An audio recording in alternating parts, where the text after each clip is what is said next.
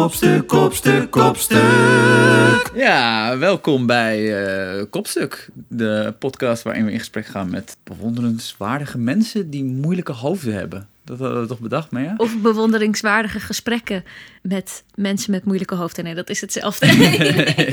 Moeilijke gesprekken met bewonderenswaardige hoofden. Nou, daar moeten we nog aan werken. ja. Hoe leg jij aan mensen uit op feestjes waar onze podcast over gaat? In eerste instantie zeg ik vol enthousiasme: ik ben een podcast begonnen. Een interviewpodcast.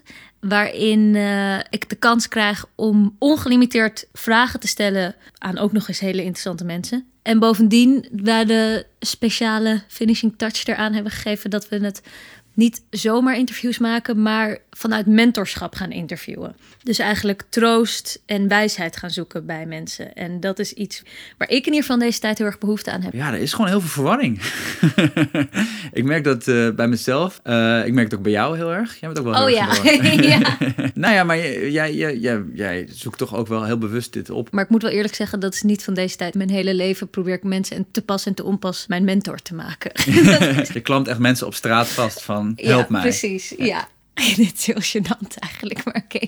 De ochtend dat eh, Trump opeens won, dat was echt zo'n ochtend dat ik dacht... oh mijn god, deze wereld. Ik snap er helemaal niks meer van. En toen ben ik allemaal mensen gaan opbellen die me moesten uitleggen hoe de wereld werkte. Ja, ja dat doe ik, ja. En helpt dat? Ja, dat helpt wel. Ja, want, maar dat is wel het onderscheidende natuurlijk. Hè? Want eh, als je denkt aan een interviewer, dan denk je vaak aan een heel eh, ernstig gesprek. Maar in podcasts zijn het vaak een beetje losse gesprekken juist. Die eh, niet veel verschillen van de gesprekken die je misschien met vrienden of familie hebt. En wat ik denk, wat wij, waar wij allebei wel heel erg goed in zijn, is vooral onze eigen kwetsbaarheid inzetten. Dat is ook kwetsbaar de hele tijd. Ja, precies. Jij hebt een boek geschreven waar je je eigen kwetsbaarheid als troef inzet. Ik heb Mhm. een film gemaakt waarin ik dezelfde truc misschien wel heb toegepast. En volgens mij is dat ook iets wat we graag in deze interviews willen gaan doen. Ja, Ik geloof er wel heel erg in dat je daarmee meer kan bereiken. En dat het persoonlijke karakter ook vanuit een interviewer juist heel erg veel toevoegt. Ja, precies. Die intimiteit krijg je dan ook bij de ander los. En om en om natuurlijk, zodat we het man-vrouw perspectief ook een beetje omwisselen. Precies. Wat ik er zelf aan over heb gehouden toen we het eerste interview eh, hielden, is dat ik ook echt naar een paar dingen anders ben gaan kijken. En dat het best wel lang heeft doorgewerkt. Ja, wat ik altijd uit dit soort interviews haal, zoals eh, What the Fuck van Mark Maron of eh, Fresh Air van Terry Gross. Misschien ook wel juist doordat je het in je oor alleen maar hebt en niet per se de gezichten erbij ziet of mensen zelf bewust worden van een camera. Dat daar echt wel de mooiste dingen uitkomen die ik eh, in interviews heb gehoord. En eh, die inderdaad mijn eh, leven wel zonder overdrijven veranderd hebben. Dus Oh ja? ja, bijvoorbeeld het interview met, van Mark Maron met Louis C.K. Waarin hij, juist omdat ze oude vrienden zijn, vertelt over de geboorte van zijn dochter. En zo'n in tranen uitbarst. Nou, dat Ja. klinkt dan weer heel dramatisch, maar dat, ja, dat is wel echt uniek. Maar wat zijn dan die dingen die jou echt zijn bijgebleven? Eh, nou, de dingen die mij zijn bijgebleven van het eerste interview zijn Met, Met- Coco met Coco ja. Eh, zijn vooral dat zij heel erg stellig is in dat je scherp moet blijven of je wel het leven leidt wat je wil leiden. Luister maar naar deze quote. Ik denk dat je gewoon altijd heel bewust moet blijven van hoe besteed ik mijn tijd, met wie ga ik om, ben ik aan het doen wat ik had willen doen. Hè, want, want nu maak ik allemaal films en dan kom ik later iemand tegen van vroeger en die zegt, eh, maar jij wilde altijd een detective worden of een bloemenstal hebben. En dat je denkt, shit, ik heb 25 jaar van mijn leven vergooid aan het verkeerde werk. Ja, maar dat overkomt dus heel veel mensen. Misschien nog even, wie is Coco Schreiber eigenlijk? Want ik denk dat weinig mensen haar echt kennen. Coco Schrijver is documentairemaakster. Ik vind haar persoonlijk een van de allerbeste documentairemaaksters van Nederland. Ehm, ze maakt echt waanzinnige films zoals Bloody Mondays en Strawberry Pies. Ging over verveling. En First Kill over de vraag of zij zelf in staat zou zijn om te moorden. en het antwoord is ja. Eh, en ze heeft net een film, How to Meet a Mermaid. Die is bij It Fine première gegaan. Dat is ook een hele mooie film.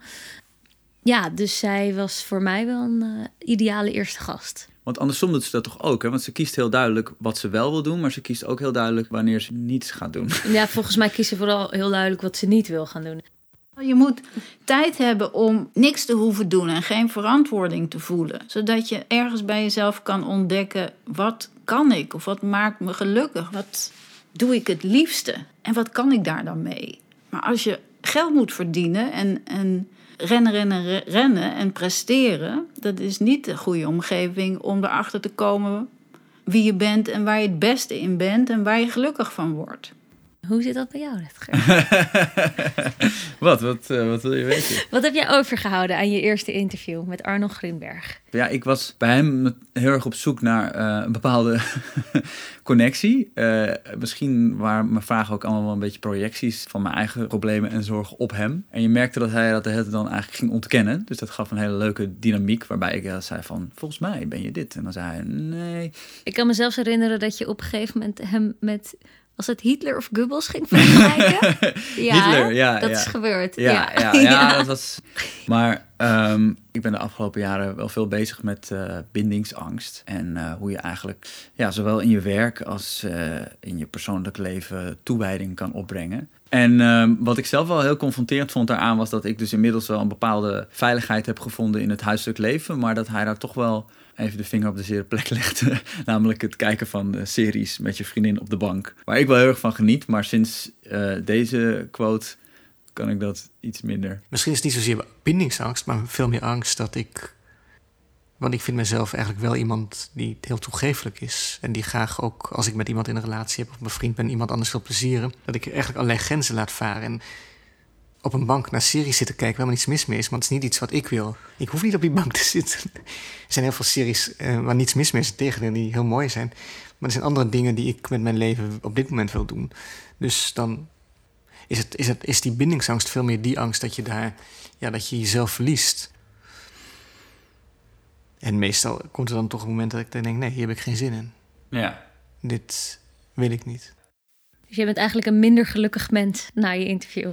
Ja, nou ja, hij, heeft me wel aan het, of toch wel aan het denken gezet. Ik denk dat ik daar wel in het interview inging met een bepaald idee van... oké, ik weet inmiddels wel een beetje hoe alles werkt, maar hij zei ook heel tijd... Uh, het leven is wankelen. Hoe ik leef, dat is niet per se de manier.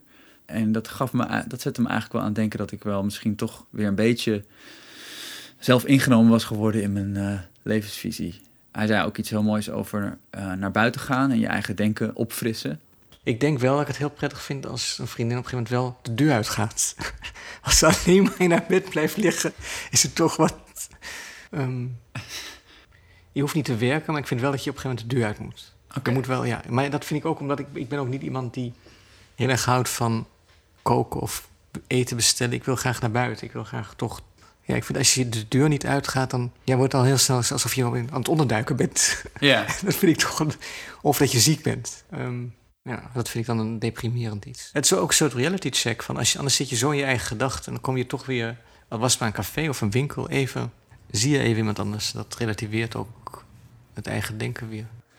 Ja, het is grappig, want zelfvertrouwen is natuurlijk sowieso aantrekkelijk. Dat, dat is duidelijk. Maar we zijn blijkbaar allebei wel uh, aangetrokken, zeg maar niet per se op een liefdesmanier. Maar tot uh, mensen die het op enige manier zeker lijken te weten. Ja, misschien wel. en dan vooral de vraag, hoe doe je dat? Hoe kan dat? Zeker zijn. Ja. Ja. En dat je ook wel mensen interviewt. Ja, ongevraagd. In het dagelijks leven. Ja. Ja. ja. Dus toen dachten we, laten we dat dan eens een keer officieel doen. Ja. Zodat we mensen niet zomaar lastig hoeven te vallen de ochtend nadat Trump heeft gewonnen. Oké. Okay. Oké. Okay. Bedankt voor dit gesprek. Dankjewel, Rutger. En stop. kopstuk, kopstuk, kopstuk.